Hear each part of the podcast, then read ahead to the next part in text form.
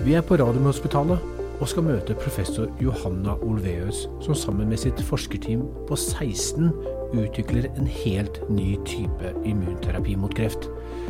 Immunsystemet er uovertruffen til å kurere oss for infeksjoner og kreft. Immuncellene gjenkjenner mikrober og infiserte celler som fremmede og dreper dem effektivt uten å skade og drepe normale celler. Men hos en pasient som har fått kreft med spredning, har immunforsvaret tapt. Det tolererer rett og slett kreften. Ja, det er som om kreften tar på seg en Harry Potter-usynlighetskappe. Når immunforsvaret ikke er i stand til å bekjempe kreft, er hovedproblemet ofte at immunforsvaret ikke oppfatter kreftcellene som fremmede. Og det er her Johanne Olveus og hennes team gjør noe helt banebrytende. De utvikler en ny type immunterapi mot kreft. De har funnet en metode for å programmere kreftsyke pasienters immunceller til å bekjempe kreften ved hjelp av immunceller fra friske mennesker. Metoden gjør at immunforsvaret målrettet angriper kreftcellene uten å skade andre celler, som målsøkende raketter. Finner vi gener i disse immuncellene som koder for eh, det jeg pleier å kalle for varmesøkende missil, og det er da um, noe som gjør at de kan målrette seg mot kreftcellene og, eh, og angripe kreftceller, spesifikke mål i kreftcellene. Så vi bruker disse få immuncellene, og så isolerer vi genene som koder for eh, eh, disse målsøkende molekylene. da. Og, og, det er de genene som er interessante for framtidig immunterapi. Vi er på laben til Olveus. Hun kaller metoden sin for å outsource kreftens immunitet. Kreften blir ikke lenger immun, den blir sårbar. Behandlingen går ut på å genmodifisere pasientens egne immunceller i laboratoriet, slik at de blir utstyrt med målstyrende enheter som gjør at immuncellene kan oppsøke og drepe kreftceller når de settes tilbake i pasientens blodstrøm. Hun programmerer kreftsyke pasienters immunceller til å bekjempe kreften ved hjelp av immunceller fra friske mennesker. Det som jo skiller immunceller fra friske, og immunceller fra pasienter, det er jo det at immuncellene fra friske de har jo ikke vært eksponert for kreftcellene til pasienten. Og kreftcellene til pasienten har jo eh, påvirket pasientens immunsystem ofte over mange år.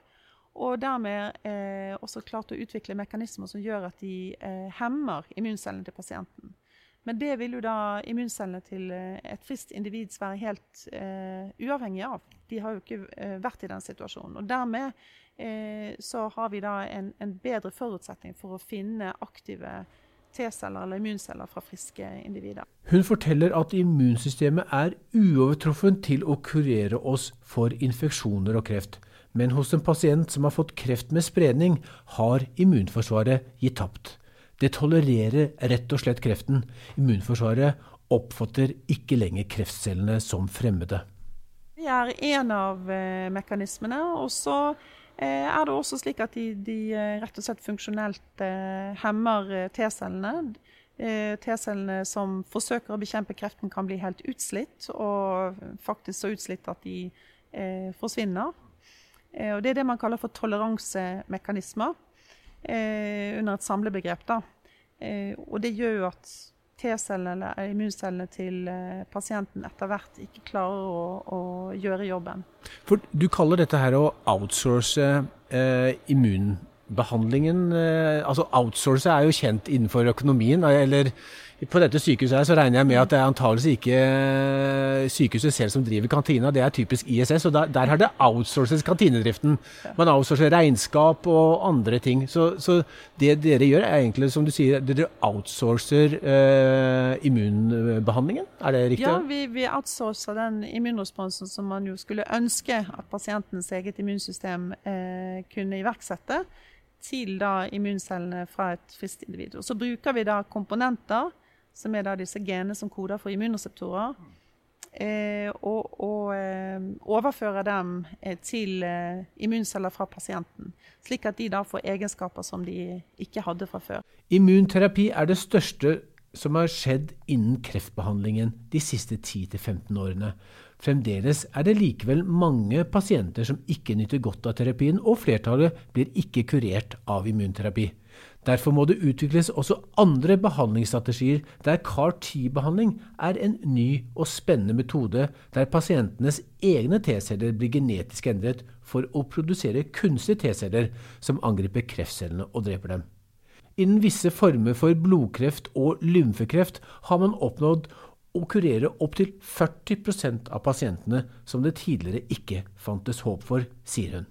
Det er mange som kjenner immunterapi. Det begynner jo nå å bli et, et ord som flere kjenner til, altså, og som på godt norsk kalles checkpoint-hemmere. Satsuko Honno og, og, Jim Allison fikk nobelprisen i 2018 for akkurat den oppdagelsen. Og så har vi eh, CAR-T Eh, behandling, som er en uh, ny og innovativ. Vi var akkurat uh, For et par-tre uker siden så var vi her på seminar akkurat her rett under oss. Da var det en kjent amerikansk forskjell, Michelle Sadelaine, som var her og, og fortalte om det, de innovasjonene som, som, han og hans team hadde gjort. Hvordan din outsourcings celleterapi, hvordan forholder den seg, og kan den sammenlignes med immunterapi og CAR-T? Ja, eh, det er jo som du sier prinsipielt helt forskjellige eh, behandlingsformer. Eh, og, og, folk flest, når de hører immunterapi, så tenker de nok på sjekkpunkthemming. Og for å ta den eh, behandlingen først, så eh, er jo der eh, utgangspunktet at da, som jeg nevnte i sted, at kreftcellene og immuncellene til pasienten har utviklet seg sammen over lang tid og har gjensidig påvirket hverandre. Og, og da vil kreftcellene da, i en pasient hvor kreften har spredd seg, ha klart å hemme immuncellene i den grad at de eh, ikke klarer å bekjempe kreften. Og ved sjekkpunkthemming så blokkerer man noen av disse hemmende mekanismene, slik at eh, T-cellene igjen kan være i stand til å angripe og drepe kreftcellene. Og det har virkelig revolusjonert eh, kreftbehandling av eh, solide svulster, da, særlig føflekkreft med spredning. Eh, men selv om det da forlenger eh, livet vesentlig og, og, med god livskvalitet til mange pasienter, så vil det store flertallet av pasientene som står på denne behandlingen, eh, likevel til slutt få tilbakefall av eh, sin sykdom. Og Det betyr at det er alternative behandlingsstrategier som, som må iverksettes også. Og der kommer da CAR-terapien inn som, en, som, et helt annet uh, behandlingskonsept. For det man gjør der, er at man da har konstruert uh, kunstige immunreseptorer. CAR står jo for Chimeric Antigen Receptor. Og det er da en, en kunstig immunreseptor som er egentlig basert på et antistoff. Men konsekvensen i hvert fall er der da at man tar uh, ut pasientens egne immunceller og så eh, overfører man gener som koder for denne immunreseptoren. Og det gjør at disse immuncellene vil da oppføre seg litt som, som, dette med at man har et varmesøkende missil på immuncellene, som når de da blir satt tilbake i blodstrømmen til pasienten, vil de kunne oppsøke kreftceller og, og drepe dem. Og det man har lykkes med ved CAR-behandling, det er å behandle visse former for blodkreft eller leukemi og lymfekreft av, som stammer fra noen celler som heter B-celler. Så man målretter seg mot et bestemt molekyl som heter CD19. Og det har vært veldig vellykket. Eh, men nå er det slik at CD19-molekylet det finnes eh, både på de normale B-cellene og på de ondartede B-cellene. Og disse CAR-T-cellene de ser ikke forskjell. Så de vil drepe både de normale og de ondartede B-cellene. Men vi klarer oss uten normale B-celler i lange perioder. og Derfor så tolereres denne behandlingen likevel godt. Og det revolusjonerende der er jo at man faktisk ser ut til å ha kurert opptil 40% av pasienter som det tidligere ikke fantes håp for. Og så er jo selvfølgelig det store spørsmålet hvorfor kan man ikke bare gjøre dette for eh, samme konsept for alle kreftformer? Og den store begrensningen der det er at det er veldig vanskelig å finne sånne gode mål som CD19. da. Eh, hvis vi tar f.eks. Eh, blodkreft som stammer ikke fra B-celler, men fra T-celler. Så hvis du målretter deg mot eh, tilsvarende molekyler, og det fins absolutt på T-cellene, ja, så vil du også drepe de normale T-cellene. Og vi klarer oss ikke uten normale T-celler. Og Derfor så har det vært veldig vanskelig å, å komme videre Så eh, selv om man har hatt stor suksess med CARS innenfor B-cellekreft, så har man ikke ennå fått noen eh, godkjenning for andre behandlingsformer med CARS i andre kreftformer. Men så, hva er unikt med Olveus og hennes forskerteams kreftbehandling? Jo, de baserer seg på å angripe en helt annen immunreseptor enn CD19, som altså CAR-10-behandlingen gjør. For CAR-10 har sine klare begrensninger for kreftformer som ikke stammer fra B-celler. En av fordelene ved å benytte seg av T-cellereseptorer i stedet for antistoffer, slik man gjør i CAR-T-behandling, er at T-cellereseptorer kan gjenkjenne mål, dvs. Si proteiner både utenpå og inne i kreftcellene.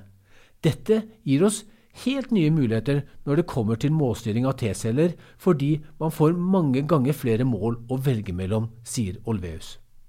Immunterapien til Olveus vil dermed potensielt kunne benyttes til å behandle mange flere kreftformer enn CAR-10-celleterapi. Det er da T-cellereseptorer. Eh, og forskjellen mellom CARS, som er disse kunstige immunreseptorene, og T-cellereseptorer, som i utgangspunktet er naturlige immunreseptorer, det er at T-cellereseptorene kan gjenkjenne mål som også er inni kreftcellene. CARS kan bare gjenkjenne det som sitter i cellemembranen til kreftcellene. Og man, ca. 90% av alle proteiner vi har, er jo inne i cellene. Og Det betyr at man vil kunne få veldig mange flere mål å velge blant hvis man kan målrette seg mot mål som også er inne i kreftcellene. Så det vi prøver på, det er å identifisere effektive immunreseptorer som kan benyttes også i andre kreftformer, og hvor vi delvis da målretter oss mot mål inni kreftcellene. Olveus bruker ufarlig virus som bærere av gener. Virus er gode til å komme inn i celler. De er en transportør av genene man vil ha inn Viruset setter dette genet inn i cellekjernen til immuncellen til pasientene. Da vil alle datterceller få samme egenskaper som morcellen. Dette blir altså en levende kreftmedisin. Det som jo er unikt her, det er jo det at når du overfører et eh, gen ved bruk av virus, og det på den måten settes inn i cellekjernen til immuncellen, så vil alle dattercellene til den immuncellen ha det samme genet. At, eh, derfor har du på en måte en levende medisin. Slik at eh, hvis disse T-cellene da treffer sitt mål i, på kreftcellene i pasienten, så vil det være et stimulus til at de deler seg og blir flere, og dermed blir enda mer effektive til å bekjempe kreften. Slik at da vil de ligge der år etter år, og dersom kreften skulle blomstre opp igjen, så vil den også da få aktivert på nytt? Det er iallfall en mulighet for det. Mm. Og så ser man da at det er forskjellige genkonstrukt som eh, tillater at immuncellene persisterer og lever lenge. Eh, det, noen, noen, tillater dette, mens andre eh, ser ut til at de aktiverer immuncellene så kraftig mm. at de ikke eh, faktisk varer så lenge. Mm. Så eh, her er det også mye forskning på gang eh, i forhold til hvilke genkonstrukter som kan gi den ønskede effekten. Men det er helt klart en, en mulighet for det, og man har sett i noen studier at uh, man har funnet slike genmodifiserte T-celler 14 år etter at uh, de ble brukt til å behandle pasienten. Nå skal vi inn i et eget rom på laboratoriet. Her møter vi Sofia, en av forskerne i teamet til Johanne Olveus. Hun holder på å sjekke om en av immunreseptorene de har oppdaget, effektivt kan drepe kreftceller. Ja, her sitter Sofia, og jeg vet at hun eh, har et eksperiment som hun må konsentrere seg en del på, men vi kan ja. stikke hodet inn. Ja. Eh, Spennende. Så det er en av eh, doktorgradsstipendiatene. Ja. Så eh, Hei, Sofia. I, I told them that you have to concentrate. So, but we're very interesting to, to hear what, you what you're doing actually now. Yeah. Right now. Uh, right now, I am just feeding some cells, and uh, I am uh, adding some RNA, trying to um, uh, get this RNA into the cells, mm. and afterwards see that or uh, T cells that are uh, trying that we use to uh, kill the tumor cells are actually identifying and uh, mm. killing the cells. Yeah. So I'm just putting them together, and then tomorrow I will count how many cells arrived and yeah, what happened. So you will probably come early to job tomorrow to Yes. investigate uh, how Yes, the research yes. is going. Yeah. Det hun gjorde, var egentlig å sjekke om eh, en av de immunreseptorene som vi har eh, oppdaget, om den er effektivt med på å mediere selv, drap av kreftceller. Så der har hun da satt inn denne eh, immunreseptoren, eller T-cellereseptoren, inn i eh, T-celler, som da Det er ikke pasient-T-celler, men det kunne det vært. ikke sant? Og så sjekker han om da disse genmodifiserte T-cellene nå kan drepe kreftceller som inneholder det bestemte målet som denne immunreseptoren er målrettet mot. Så når hun kommer på jobb i morgen, så håper hun å se at kreftcellene som har da blitt infisert, de er døde. Jo mer eh, døde celler hun finner, jo gladere blir hun. Ja, Så, ikke sant? mm. Og når, hvis, hvis eh, hun ser det i morgen, hva gjør hun da?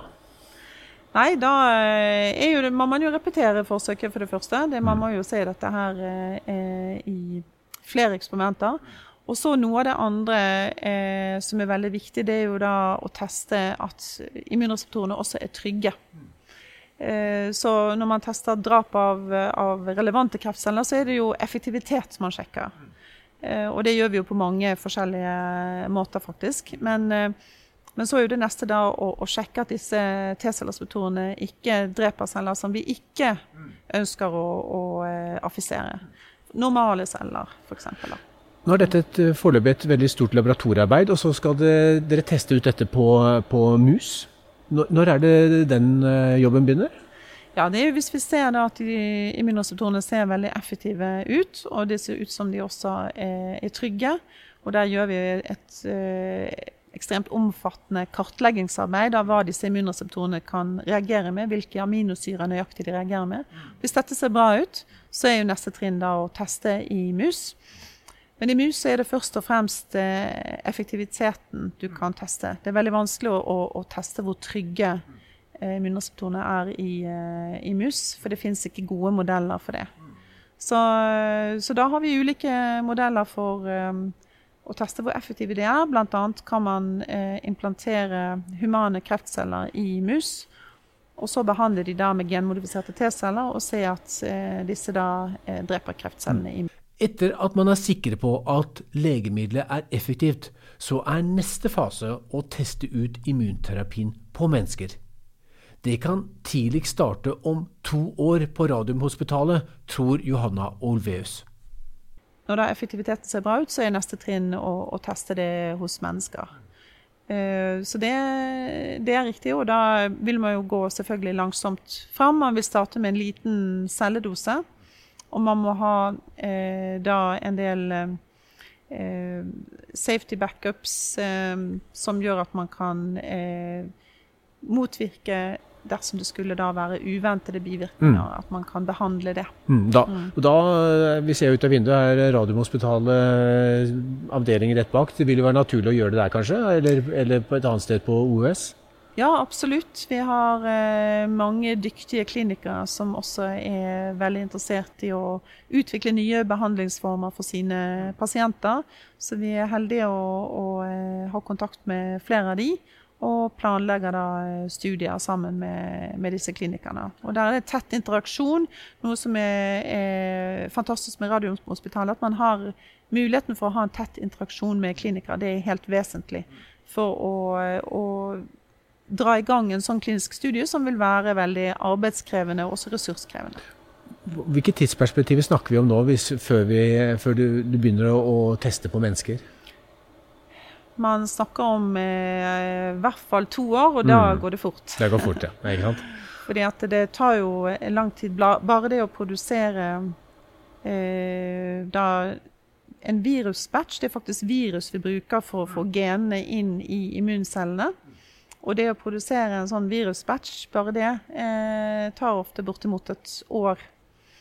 Og, eh, få gjort på en slik måte at det tilfredsstiller alle krav til eh, sikkerhet og, og eh, effektivitet.